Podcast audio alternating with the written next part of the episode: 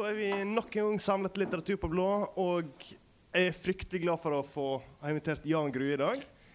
Han har fått veldig gode kritikker, og gitt ut en novellesamling som eh, ikke bare er smart, men som også er fryktelig morsom. En av anmelderne sa vel at eh, noe av det beste med den er at neste novelle er enda bedre enn den, den forrige. Og når da den første er ganske bra, så har vi nivået allerede. Med oss har vi fått med oss Martin Grüner Larsen, som eh, vi tidligere har hatt stort hell med å ha her. Han var vel også en av de som starta opp Litteratur på blå. Så når bare Jan Grue har fått lest litt, så eh, skal vi få en av de bedre samtalene vi har hatt her. Takk.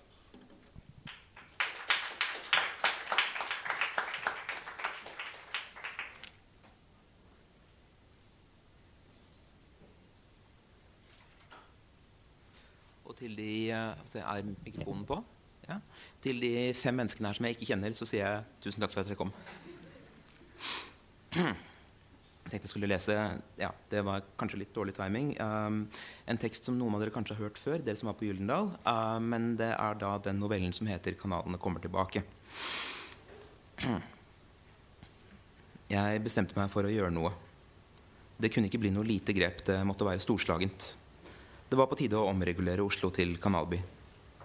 Jeg hadde bodd i Oslo hele livet, men alltid gått meg vill i gatene. Jeg hadde aldri følt meg vel tilpass. Det var vel derfor jeg gikk inn i etaten, fordi noe ikke stemte. Min by fikk aldri sin Lafayette eller sin Hausmann. For eksempel. Fra Grünerløkka til Bislett finnes det fem-seks forskjellige ruter, og ingen av dem er særlig mer troverdige enn de andre. Du kan gå opp kjærlighetsstien til Telthusbakken, det fungerer måtelig, men hvis det er holke, kan du aldri være sikker på å komme fram i god behold. Alt annet er omveier, på en eller annen måte. Finn det du tror er den raskeste veien fra Aker Brygge til Jernbanetorget, og før du vet ordet av det, har du gått deg vill inne på festningsområdet. Jeg har kastet bort år av mitt liv på krokete stier og unødige avstikkere.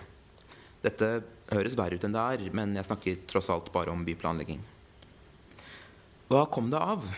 Var dette noe som kunne løses med flere nye veier gjennom å flate ut åsryggene og bakketoppene? Nei. Det var enklere enn som så. Vi manglet kanaler. Jeg forsto etter hvert at jeg ikke var alene om disse tankene, og det viste seg enkelt å dra i gang en kampanje. Vissheten seg sakte innover etaten, og derfra spredte vi budskapet utover i kommunen. I kanalbyer er det båttrafikken som har bestemt byplanen. Du følger en Marskaya eller en Herenkrakt til du ikke kan følge dem lenger, fordi du har kommet ned til Neva eller Dam, og derfra er veien kort til havnen, til Østersjøen eller Nordsjøen. Og da er det andre problemer som venter. Stig om bord på et skip, seil av gårde. Lektere og små kanalbåter har fulgt disse rutene sine alt var sump. For alt vi vet, har veiene vært de samme siden lange, læraktige dinosaurhalser stakk opp av mudderet og vred på seg i det antidiluviske morgenlyset. I Oslo holdt det rett og slett ikke lenger. Vi hadde veier, og jeg liker ikke veier, for de tvinger seg på, og de strekker seg over landskapet som en nettingtrøye over magen på en fet mann. Det var derfor jeg alltid gikk i gal retning, rotet meg bort, snublet over trerøtter og takrenner. Akerselva lå skjult og glemt, en pinlig ettertanke. Som en gal slektning som har blitt låst inne i kjelleren. Er det ikke rart at ingen så det før, tenkte jeg, da jeg var ute på befaring for å se at gravingen gikk ordentlig for seg. Dype hakk ned i asfalten hele byen over, før de trakk av gatebelegget som om det var appelsinskall, og bet ned i jorda og pløyde opp dype furer der kanalene skulle legges. Og endelig gå til verks. Finnes det noe bedre? Mange protesterte høylytt, særlig huseiere med dårlig fuktvern og smålig sinnelag. Men tross alt var det ikke noe som ble fjernet, det var noe som ble lagt til. Oppgaven ble ikke enklere av at Oslo er en bakkeby, det sier seg selv. De fleste kanalbyer er flate som pannekaker, de er horisontale byer framfor alt. Ingen skyskraper i sentrum, ingenting som ikke kan holdes oppe av det fuktigporøse, upålitelige jordsmonnet. Husk Tenochtitlan. Det er byen som flyter rundt kanalene, ikke omvendt. Heldigvis hadde vi teknologien, og etter hvert også statsfinansene. Kontaktene våre hadde sine kontakter, osv. Det kunne ikke bli noe annet enn et nasjonalt anliggende. Slusene lærte vi å bygge i Telemark. Det var noe som vendte tilbake. Det var noe som vendte hjem. Og nå ser det da vakkert ut. Ikke fortell meg noe annet. I en kanalby for det 21. århundre, når kollektivbåtene stanser 5-10-15 ganger på vei ned fra Grefsenkollen til Grønland. Kombinerte slusestasjoner i glass og metall der folk går av og på med bedre tid enn før. og venter på at de grønnblå fartøyene fra Oslo Vannveier skal senke seg til neste stadium. Frakte dem videre, stadig videre. Et endeløst kretsløp som fra riktig utkikkspunkt, Ekeberg, med ett øye lukket og det andre lett skjelende, ser ut som noe MC Escher kunne ha tegnet om han hadde hatt sansen for gode kollektivtrafikkløsninger og vært noe mer praktisk anlagt. Det automatiske billettsystemet er riktignok ikke på plass ennå, men det kommer. Kanalbyer er noe eget. Nå tar det meg to-tre timer å krysse sentrum. Lengre tid enn før. Betydelig mer. Men jeg nyter hvert minutt av turen. Det er riktig. Det er ekte. Jeg har investert i en liten motorbåt, knapt stor nok til meg og bikkja. Fra leiligheten er det ikke langt til fortøyningsplassen i selve Akerselva. Med tre ganger større vannføring, nå, slik den fortjener. Og derfra går det raskt, enten det er medstrøms eller motstrøms, til nærmeste sluse. Alt går av seg selv. Det er fordelen med dette århundret. Jeg begynner å innse det. Og bikkja har vent seg til alt som piper og durer og blinker. Det gikk i grunnen raskere enn jeg hadde ventet. Dyr fødes også inn i en verden som forandrer seg på samme måte som oss. Vi har bare lett for å glemme det. Det neste vi skal gjøre, er å bringe luftskipene tilbake. De hører hjemme her. Vi har bare glemt dem. Fått blindsoner og hvite flekker der luftskipene skulle ha glidd majestetisk forbi. Toppen av Plaza, toppen av Postgirobygget.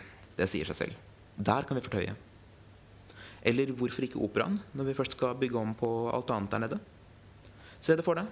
Sakte innflyvning, fjorden som smaler inn mot den hvite endestasjonen. Fortøyning, avstigning, rett ut fra gondolen og inn på Turandot. Eller noe av Wagner. Jeg skal ikke fortelle deg hva slags forestilling du skal gå på, jeg vil bare at du skal vite at du har muligheten. Glem Hindenburg. Alt er, alt er bedre nå. Alt. Vi har brakt tilbake det beste. Bare det beste er godt nok. Hestene vil kunne gå langs kanalene når vi får tak i mange nok av dem. Men de vil også, dette er det avgjørende, kunne gå overalt ellers. Hester i alle gater og parker. Hva med dem som ikke kan eller vil ri, spør du kanskje. Og da må jeg bare svare, i all oppriktighet, at for dem finnes det vogner og sleder, og det er bare begynnelsen. Om vinteren bikkjer i stedet for hester. Hundespann gjennom Slottsparken. Gjerne for meg. Jeg applauderer det. Flere ting skal komme tilbake. Vakuumrør, paternosterheiser. Mer av alt. Vi skal bringe tilbake det engelske kvarter, men annerledes. Bedre. Med kanoner. Og en vollgrav. Vi befinner oss flere år frem i tid nå. Selv om 'frem' er feil ord. Det er ikke dit vi skal. Det var der vi trådte feil forrige gang. Jeg vet det. Reguleringsplaner, bevilgninger, det er noe ark. Utkastelsesordre og omplasseringsordninger. Jeg er sliten, men ikke på samme måte. Ikke nå lenger. Jeg setter meg inn i alt, så mye jeg orker. Jeg går på møtene. Det ville jeg ikke gjort før kanalene. Det var noe som våknet i meg da den første spaden tok det første taket. Ikke at jeg spar selv, men det jeg virkelig bidrar med, min oppmerksomhet, er mer verdifullt enn mye annet. Jeg ser blindsonene. Tydeligere enn mange andre. Fraværet av det som har forsvunnet. Sluttresultatet er ubestemmelig. Det er en del av hemmeligheten. Historisk bevissthet har ikke noe mål utover seg selv. Men vi må begynne å bevege oss sidelengs. Slutte med bare å gå fremover. Vi må bringe tilbake noe av det gamle, det eldgamle. Jeg tror jeg kan hjelpe til der. Hvem som helst kan ha øyne i nakken. Det er noe annet å se ut av begge øyekrokene samtidig. Og ikke bry seg om hvem som peker og ler. Sånt blir det kanaler av.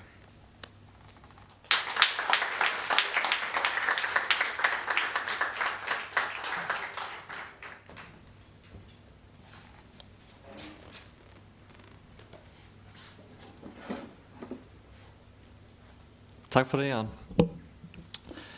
Øh, og tak for at øh, vi fikk komme her. Det er jo alltid veldig hyggelig å komme på Litteratur på blå. Øh, for en, en, liten, men desto mer eksklusiv gjeng. Så absolutt. jeg tenkte Jeg kunne starte med å komme med en observasjon eller to. Uh, den første observasjonen er øh, et sitat fra øh, den første siden i boken, der du skriver øh, Du stiller nok med urealistiske forventninger hvis du tror at dette skal handle om historier. Det var den ene. Den andre er fra en veldig fin artikkel som Jaren skrev i øh, Vinduet øh, nummer 4 2009 om den amerikanske forfatteren Donald Barthelm. Øh, en mærkelig forfatter, som jeg ikke har lest, læst, men som høres veldig interessant ut. Uh, uh, som, hvor du skriver i åpningen De mest kjente Barthelm-antologiene har titlene 60 Stories and 40 Stories, eller, og 40 Stories. Men fortelling passer strengt tatt bare på en håndfull av tekstene hans. Hvorfor ikke kalle dem aforismer? Ordboken gir oss definisjonen kort og treffende uttrykk for en tanke, og den konvensjonelle avgrensningen til en setning eller to er nettopp det, en konvensjon. Barthems tekster er lengre enn enkeltsetninger, de inneholder scener om mennesker og replikker som gir dem form av fortellinger, men Barthelm er mer opptatt av å avgrense en tanke enn et handlingsforløp. Og han fanger heller bild, øh, leseren med et bilde enn med en karakter. Et kompromiss, aforistiske fortellinger. Um, og altså, Man trenger jo ikke å være liksom, gullmedaljevinner i 500 meter hermeneutikk for å skjønne at uh, det her har noe å gjøre med uh, poetikken i din novellesamling. Uh, kan du si litt om det at du har gått litt vekk fra ideen om å fortelle historier? Eller aldri helt um, kom, kom, inn i det til å begynne med. Det, det er jo også en, en mulighet. Um, det er jo veldig fint at du nevnte uh, Donald Barthelm eller Barthelme. Det, det er ikke, jeg er ikke helt sikker på det. Han var en ganske fin fyr på den måten. Han sa at hvis den første måten folk uttalte navnet hans på, det var den riktige. Så det finnes omtrent en sånn fire-fem forskjellige um, uttalevarianter der ute.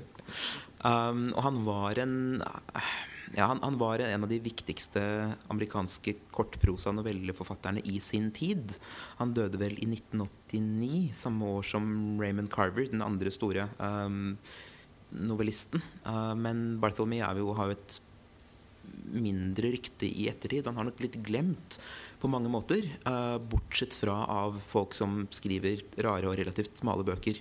Um, så en av, eh, eller noen ganske sånn viktige medlemmer av, av heiagjengen hans er folkene i forlaget McSweeney's, som jo holder til i San Francisco og lager holdt jeg på å si, lekenlitteratur som kanskje også retter seg inn mot andre sjangere enn det man vanligvis forventer av det, det skjønnlitterære. Um, men grunnen til at jeg også var glad for at du nevnte ham, er at det, det, det gir meg en sjanse til å, å snakke om dette her med um, hva korte tekster kan gjøre. Fordi det er jo en, en, en, en vanlig klisjé om novellene at de skal ha et vendepunkt. ikke sant?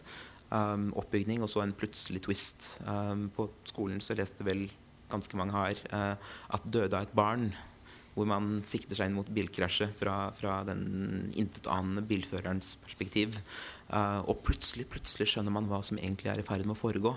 Uh, men den funket da, uh, og jeg tror kanskje den ville at den funker fremdeles. Det er dette her med at noveller på én måte kan gjøre noe sånn noe kognitivt interessant med leseren.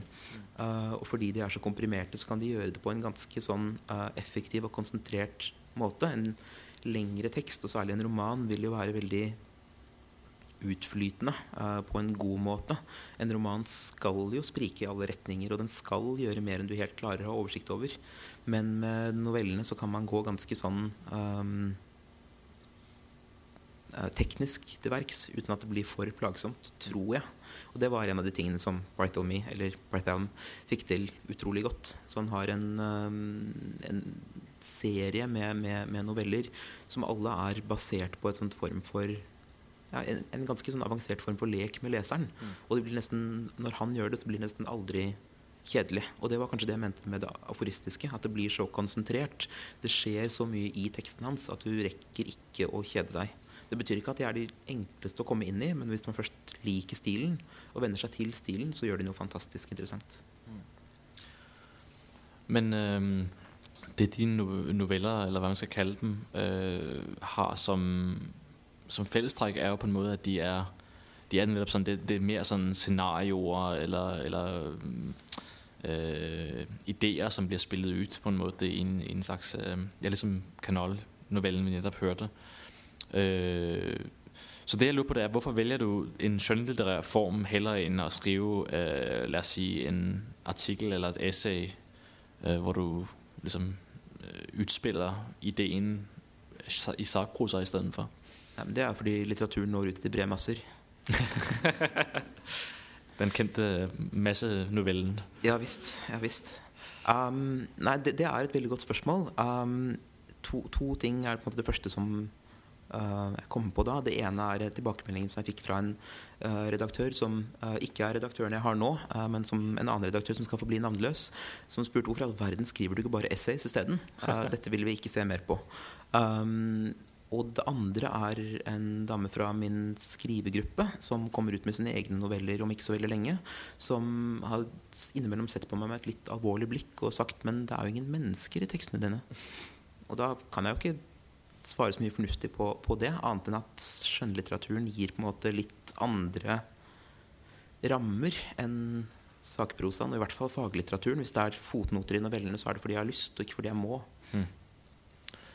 Så der, der er færre krav?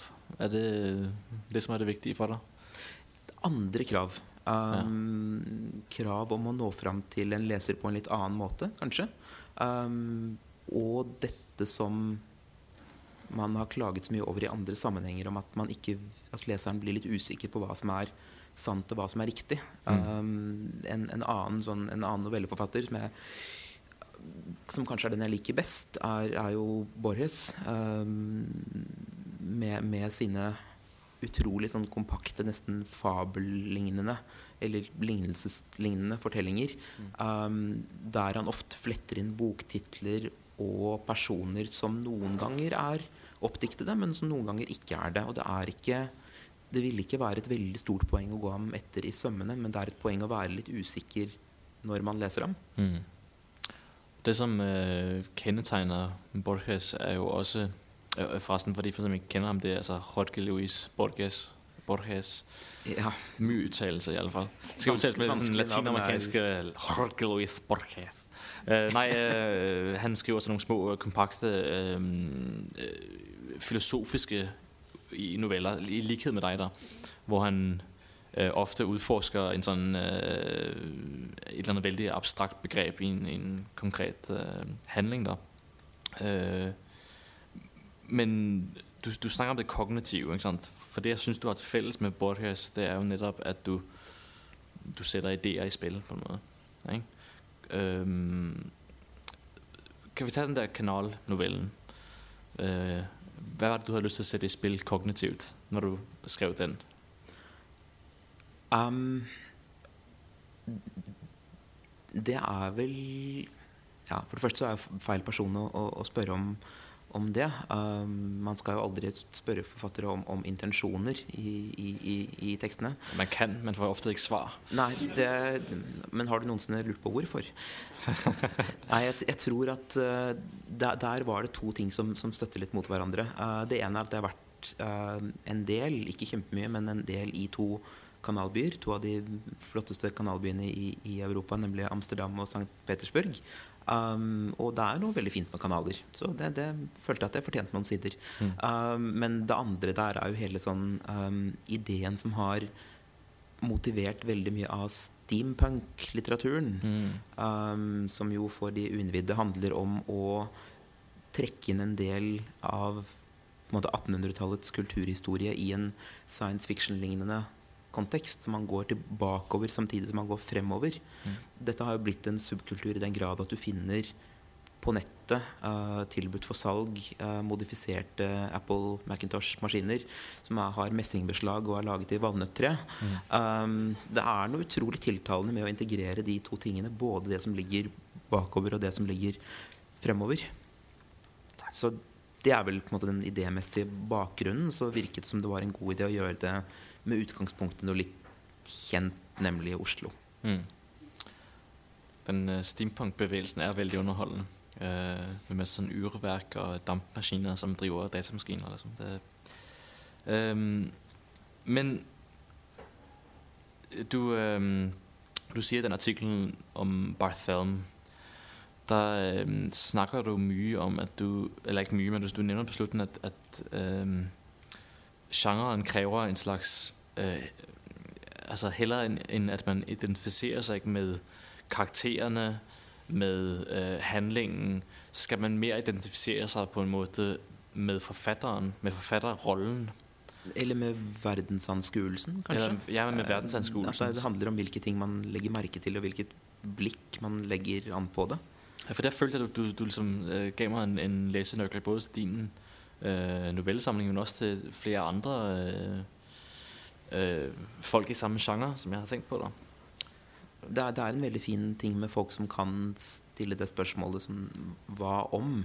Og så pensle det ikke, altså ikke male bildet helt ferdig, men å gi nok av en skisse til at du kan fylle inn resten av, av detaljene selv. Mm. Altså det, et sånt gjennomgående trekk i, i Borges er jo at han, han skriver om bøker som ikke fins.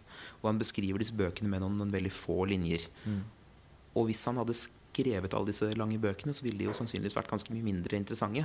Men du kan dikte videre. Du, Mm. kan, uh, ja, du, kan, du kan fylle inn eh, en del ting selv, og det er den mest sånn stimulerende delen av, av leseropplevelsen.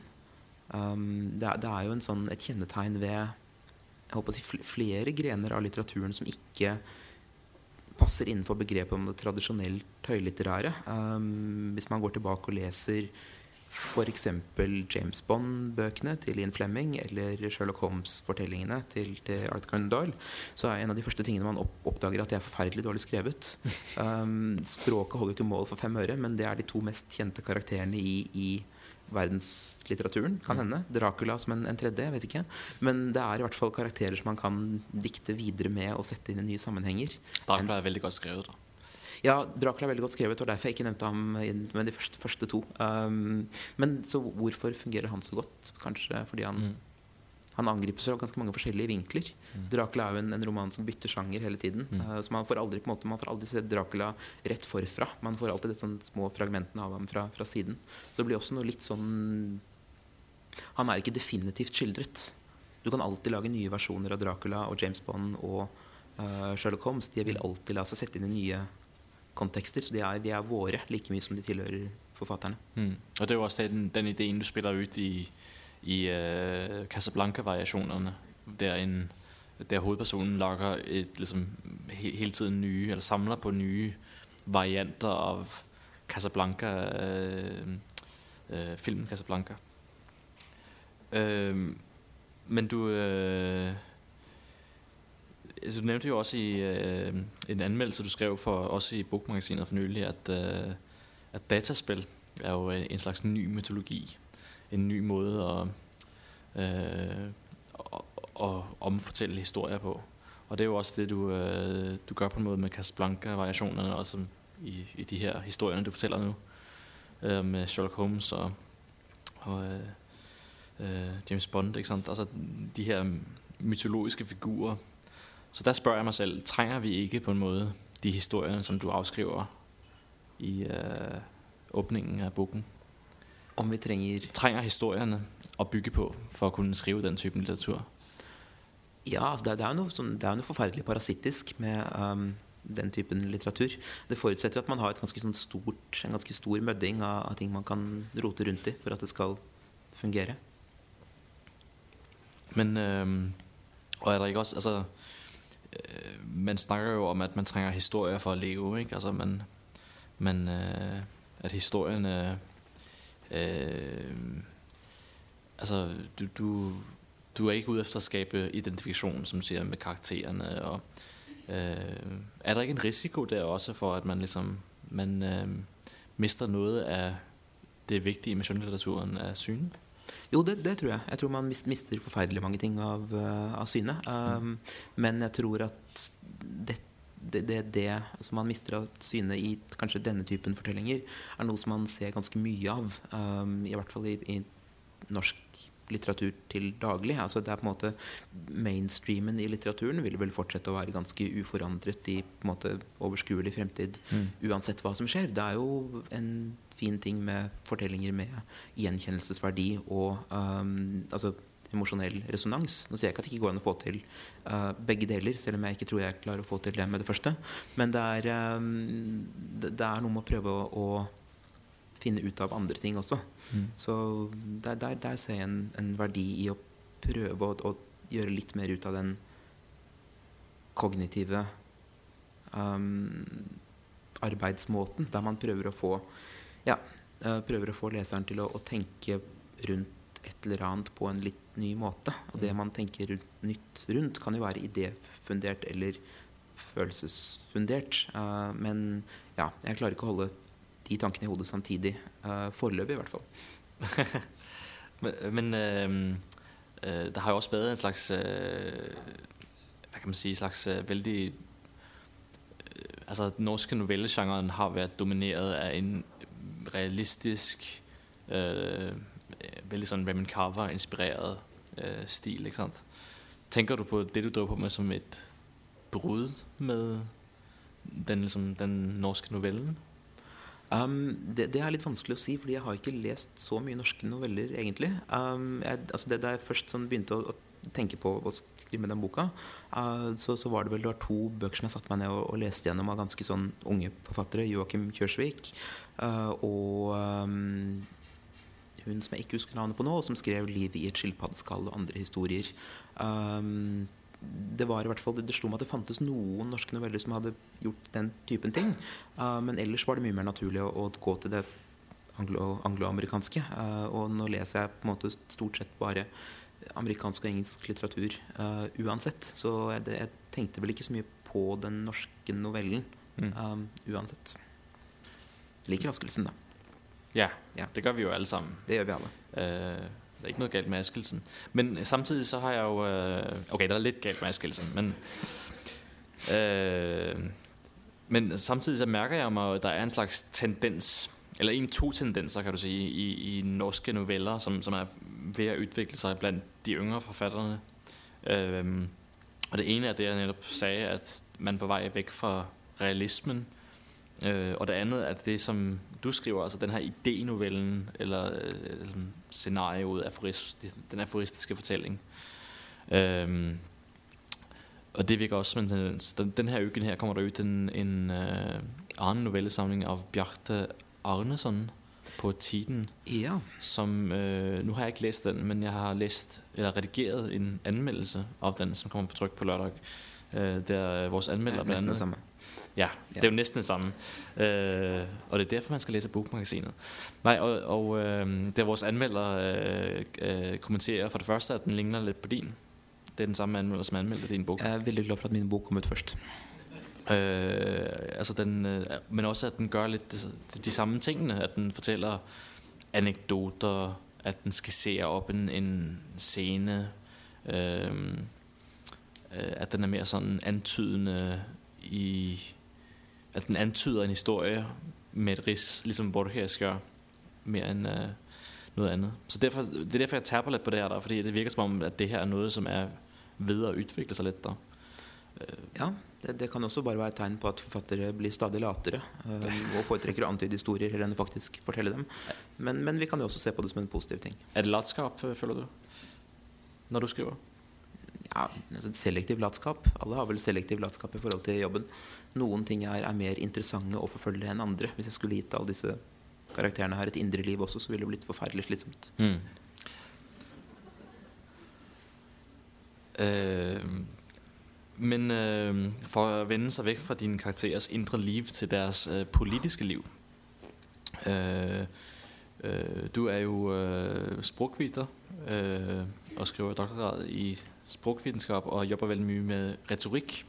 Og det merker man jo også veldig mye. Øh, for en tråd som gjennomsyrer novellesamlingen, den er at øh, en diskusjon eller en kritikk av øh, byråkratisk språk, av maktspråk, om du vil. Øh, dukker opp i flere av dine noveller. Kunne du si litt om hvordan du har tenkt på det når du har jobbet med boka? Um, igjen så blir det jo en ting som jeg ikke har jobbet veldig bevisst med, men som har vokst litt fram av seg selv. på en måte. Altså jeg tenker at Mange av de tekstene der har jo vært um, utprøvinger av ideer som så har funnet sitt språk på en måte. Um.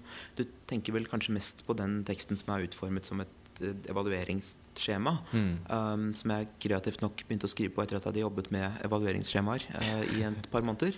Uh, helt spesifikt evalueringsskjemaer uh, som var ment å drive kvalitetsutvikling i um, skoleverket. Hvor da alle um, administrativt ansatte, alle lærere og alle læringsutbytte eh, relaterte eh, ja, elever. Um, alle, alle, gruppene på skolen skulle fylle ut disse skjemaene, uh, hver på, på, på, med sitt um, utgangspunkt. Og så skulle tallene kunne sammenholdes, og så skulle man da få en, en kvalitetsindikator for, for, skolene i fylket det gjaldt. Og på det tidspunkt så eksploderer hodet ditt, og du begår en skolemassakre? Man, man, blir veldig kjedelig av å holde med på det. Og, og, og ja, det, er, det, er, en ganske forferdelig prosess.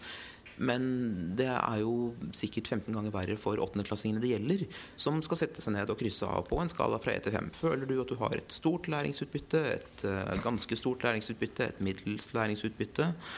Kunne læringsutbyttet vært bedre, og i tilfelle på hvilken måte? Føler du at læringsutbyttet er relatert i stor eller liten grad til uh, undervisningspersonalet? Føler du at læringsutbyttet kan deles opp på fem nye måter, og i tilfelle hvilke? Dette her brukes det tid og penger på. Og indikatorene blir behandlet som om de er reelle uh, og nyttige styringsverktøy. Det, det, er jo det virkelig skremmende. Det, det, er en obligatorisk del av kvalitetsutviklingen i skolen. Bare ordet kvalitetsutvikling alene føler ja. Kvalitetskartet har fire deler. Ah. Men uh, Alle de fire delene har fire underpunkter. Ah. Ja. Uh, det er nok til å få en til å ønske forferdelige ting om uh, andre mennesker. Ja, eller å, å, gå amok med en AG3. alt etter Som karakteren i boken der, der gjør.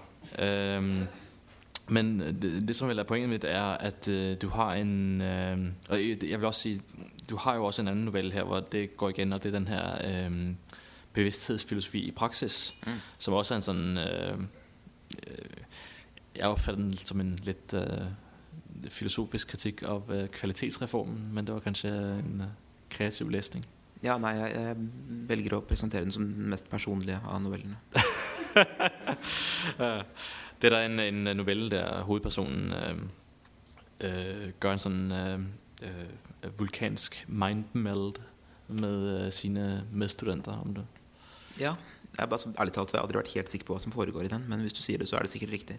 Ja, Øh, rigtigt. Men uanset, det jeg ville komme frem til her, var jo, at du har et slags øh, blik på øh, diskurser, på retorik, på måten ord bliver til fortællingen om verden. Og det er jo også det, som er et tema i novellen. Ja. Og øh, kunne du sige lidt om, hvordan du, øh, hvordan du jobber med... Øh, den typen retorikk i uh... Ja, nemlig. Um, det, det, det kunne jeg, jeg, kunne selvfølgelig ha hjulpet deg litt, litt, mer der hvis jeg hadde vært litt raskere i oppfattelsen. Men um, nei, uh, det, det, er jo en, en, en tankemåte som, som appellerer en, en del. Um, og det er vel ting som jeg har, har jobbet med sånn ja, på jobben um, i, i, i, en del år nå. Så det er klart, du, du kan jo si at det er en, en del sånn ja, en, en, en del um, fett som kan, kan, kan, skrapes av etter hvert og, og, formes om til uh, skjønnlitterære biprodukter. Mm. Det er uh, mange ting som man kan si om diskurser og, og språk som former verden på, på jobben. Uh, men det, det, er ikke alt man kan si i, i en vitenskapelig artikkel. Um, og det er det fine med skjønnlitteraturen, at man står i hvert fall friere til å gå litt bananas. Uh, som vi jo alle har lyst til fra tid til annen. Men um, kan du få altså, det, Har du et slags manifest her? Altså, har du lyst til å har du lyst til å gjøre noe med de her måter å se verden på og snakke om verden på gjennom denne utgivelsen, eller er du mer beskjeden enn som så? Ja, ganske mye mer beskjeden. Uh, nesten ydmyk, vil jeg si. Nei, um, det, er, det er veldig spennende ting som, som ligger her. Um, og det er jo på en måte Hvis skjønnlitteraturen kan gjøre noe uh, i den sammenhengen med det språket som omgir oss på så mange kanter, språket som vi bruker i jobbsammenheng og skolesammenheng, og som regulerer ganske store deler av livet vårt gjennom skjemaer som vi fyller ut, gjennom uh, vedtak som vi får i posten på den og den andre. Det skjønnlitteraturen kan gjøre, er vel å holde opp det språket og gjøre det litt mer um, synlig som språk. Og vise at det ikke er en nødvendig måte å se verden på. Det er én måte å se verden på. Uh, og det tror jeg er nesten lettere å gjøre gjennom noveller og andre skjønnlitterære tekster. Og det kan gjøres morsommere uh, gjennom skjønnlitterære tekster. Det er jo en idé som andre har fått før meg. Um, det er jo mange som er ekstremt gode på det. Den dessverre avdøde David Foster Wallace var en mester i å ta um, språket som særlig var knyttet til uh, markedsføring og reklame, og, og, vise det frem i all sin vederstyggelighet. Mm. Uh, David Foster Wallace uh, står jo også uh, Han spøker litt i gangene her i denne novellen med kvalitetsevalueringsskjemaet. Og har i øvrigt også en, en tilsvarende novelle om en skolemassakre nå. Eller en, en forsøkt skolemassakre. men kan du si litt mer om hvordan du Altså hvordan du trekker hans måte å angripe språket på ut i, i den her? For han er jo en tydelig referanse? ikke? Ja, altså, han, han, er en av de som jeg har prøvd å kopiere der, uh, med, med, vekslende hell. Det er um, en, en, teknikk som er utrolig vanskelig. Altså, det, den, de, de, virkelig gode tekstene hans har jo et fantastisk sånn dramaturgisk sug. Du skjønner at noe forferdelig er i ferd med å, å, å skje, um, og du har lyst til å finne ut hva den forferdelige tingen er. Um, og dermed jobber du gjennom dette språket, altså gjerne markedsføringsspråket. Han har jo denne ene altså referat fra en um, Hva er det det heter når man prøver ut et nytt produkt? Group. Ja, en focus group. En sånn referansegruppe. Uh, hvor det er mennesker med et um, skal vi si, litt ustabilt følelsesliv som er plassert i det uh, rommet. Og man er veldig spent på hva som kommer til å skje. I tillegg til at han får en sånn slags poesi ut av dette språket hvor annethvert ord er, er copyright-beskyttet og varemerkeregistrert. Det er, um, det, det er vanskelig å få til, men jeg tror jeg skal prøve igjen. Det er også vanskelig å lese.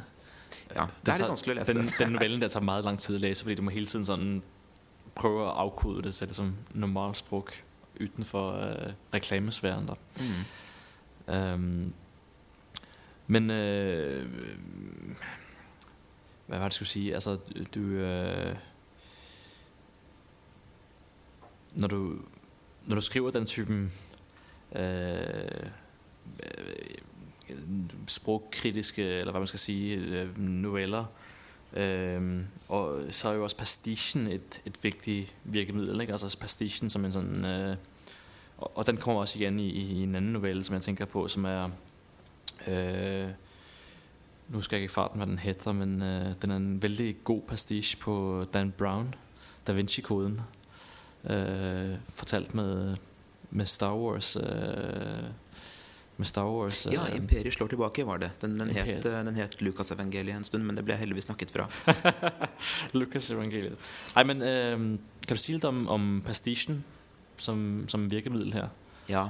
Um, det er jo altså akkurat den Jeg vet ikke helt hvordan den passer inn med de andre. Uh, det var den siste uh, som, som, kom på plass, hvis jeg husker riktig. Um, men det var vel en, en, sånn tanke om at det var uh, jeg, jeg, tror ikke jeg tenkte prestisje i utgangspunktet. Jeg tror mer jeg tenkte en mash-up om at Star Wars og Dan Brown ja, det hadde passet ganske bra sammen. Det er liksom to, to ganske sånn mytologisk orienterte fortellingsuniverser som det kanskje går an å gjøre noe med.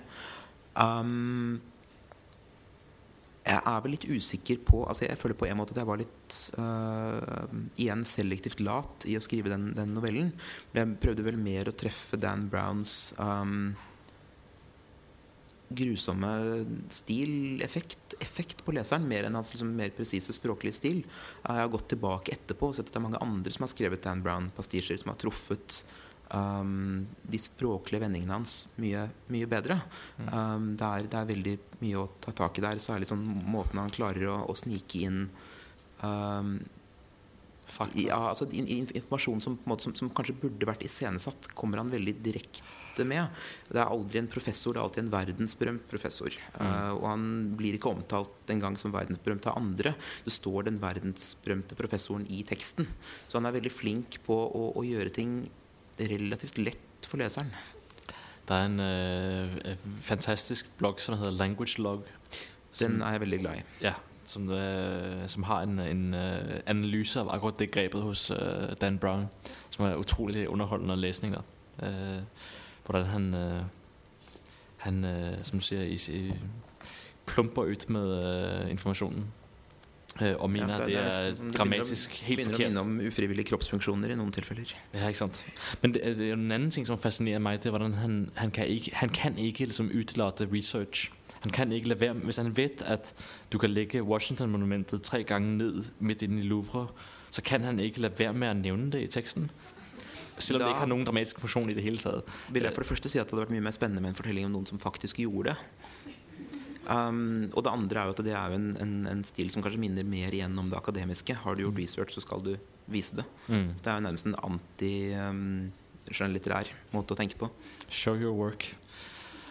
Men øh, jeg synes jo også, vi, vi stanger litt opp mod, øh, mot det her realismeproblemet der. For å komme tilbake til, til dig. Øh, selvom Dan Brown er veldig underholdende, det er jo ikke det. Men vi, altså det, det er, um, jeg synes i hvert fall du er litt sånn ude i, som du utforsker grænselandet for, øh, for uh, hva realismen kan gjøre, og hva den ikke kan gjøre. Du er litt på begge sider av stien, og så bryter du som regel ut. Kunne du si litt om ditt forhold til realismen som projekt? Nei, altså det, Jeg kan vel si at etter syv år i akademia så blir vel oppfattelsen av hva som er realistisk, kanskje litt fordreid.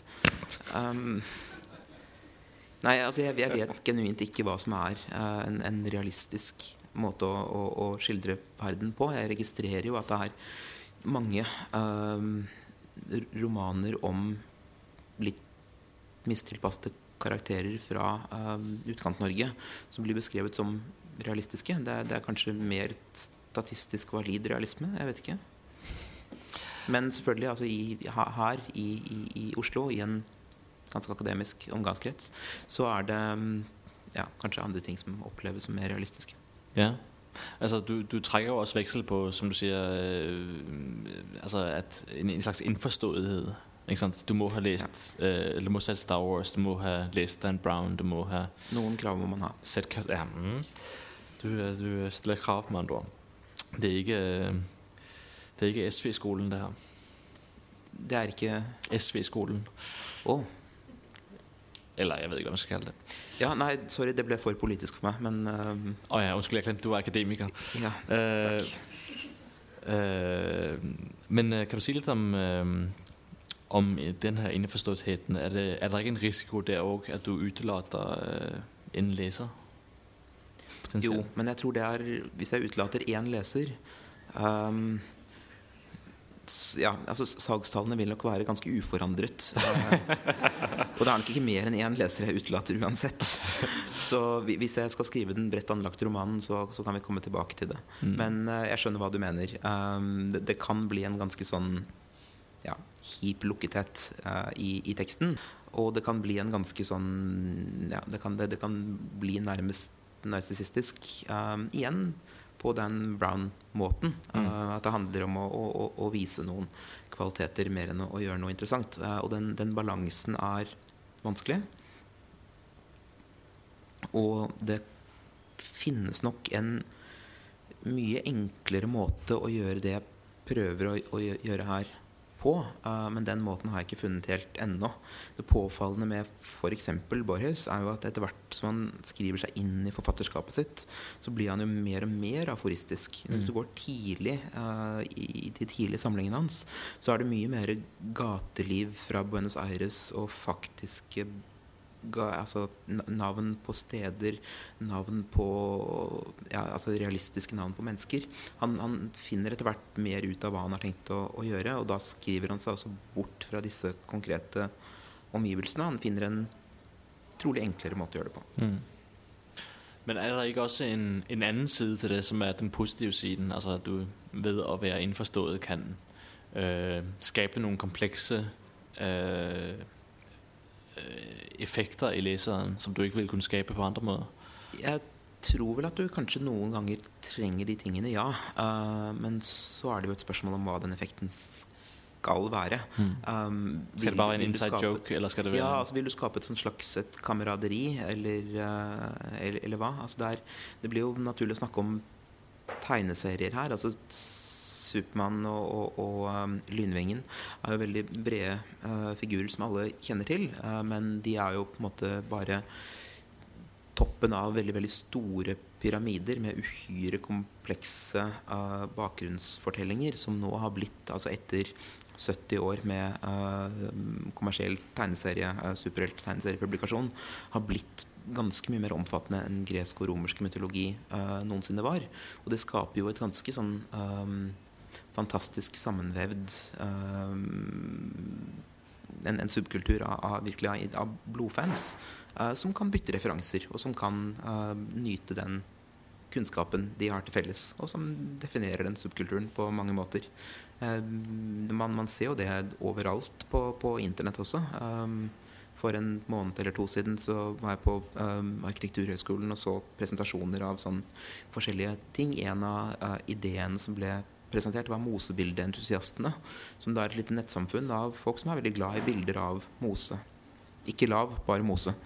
Og de, um, det, er, det, er, mange nok av dem til at de kan ha et lite nettsamfunn uh, og, og, gjøre hverandre glade med den nokså spesialiserte kunnskapen de besitter og utveksler. Det er vel det man kaller for det hyperspesialiserede samfunn. Er det ikke? Mm. Men ja, skal vi kanskje begynne å tenke på å øh, åpne opp for salen? Er det øh, noen der ute som brenner inn med spørsmål til øh, Jan og øh, om øh, novellesamlingen eller om andre ting?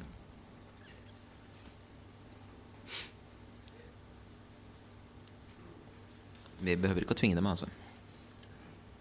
Å jo da. Ja. Um, for meg Nå hadde vi Jan Roar Leikvoll her sist gang, og nå vil jeg du, du, Det slår meg at du er en utopi i de fleste av, uh, fleste av tekstene dine. Det er noe uh, En ser litt fram, fram, mot noe. Du er Kanalen i Oslo, som er, beveger seg mot et eller annet positivt punkt. Du har filosofen i Amsterdam, som også er definitivt og som jo også avslutter med denne sånn Dette blir bra. Uh, hvordan og, og, sånn som jeg leste nå, så uh, kobler det litt mot en del av de klassiske sci-fi-fortellerne. Der en kanskje mer har vært opptatt av dystopien. Hvordan, er det noe å si om forholdet der? Framtidstrua? Hmm. Det er godt mulig. Du leste den om skolemassakren, ikke sant? Nei, det går, det går, ganske bra. Det går bedre enn det kunne ha gått. Men um, nei, er ikke det en sånn en ting med at hvis man skal tenke en tanke, så må man tenke den fullt ut? Uh, og da ender man enten i en dystopi eller en utopi. Um, kanskje. Det, det, ligger vel litt i sånn i da, hver eneste gang man tangerer science fiction og går litt utover det realistiske da, igjen, så, så, så er det liksom er det vanskelig å slutte før um, omegapunktet. Men jeg syns jo også du ofte øh, bruker det grepet at du øh, undergraver øh, utopitenkningen. At du, du fremstiller noe fra perspektivet til en hovedperson som sier at dette kommer til å bli dødsbra, det her er en utopi. Men så lar du, liksom, du det skinne igjennom at det her egentlig ikke er så veldig bra. At utopien på en måte er en øh, altså utopi, utopi betyr jo ikke noe sted. ikke sant? At det blir urealistisk. Ja, nei, jeg lærte på Aschehougs forfatterskole at det er, er, forskjell på tekst og undertekst. Så det er viktig å, å smugle inn noen sånne ting som undergraver litt. Men det er en, um, det er en, det er en fin ting med, med utopier. Det er, det er, alltid utopier for, for, noen, og ikke for alle. Um, og selvfølgelig hvis det ja, er en utopi, så må noe skjæres vekk mm. også. Og ikke minst er utopien derfor farlig. ikke sant? Og, og mm. litt sånn uh, totalitær. Øh, men var der flere øh, spørsmål derude? Kom igjen.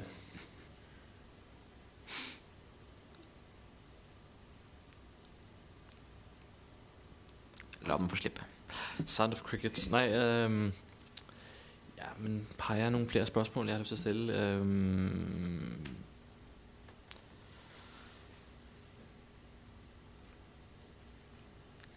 Ja, jeg har jo det.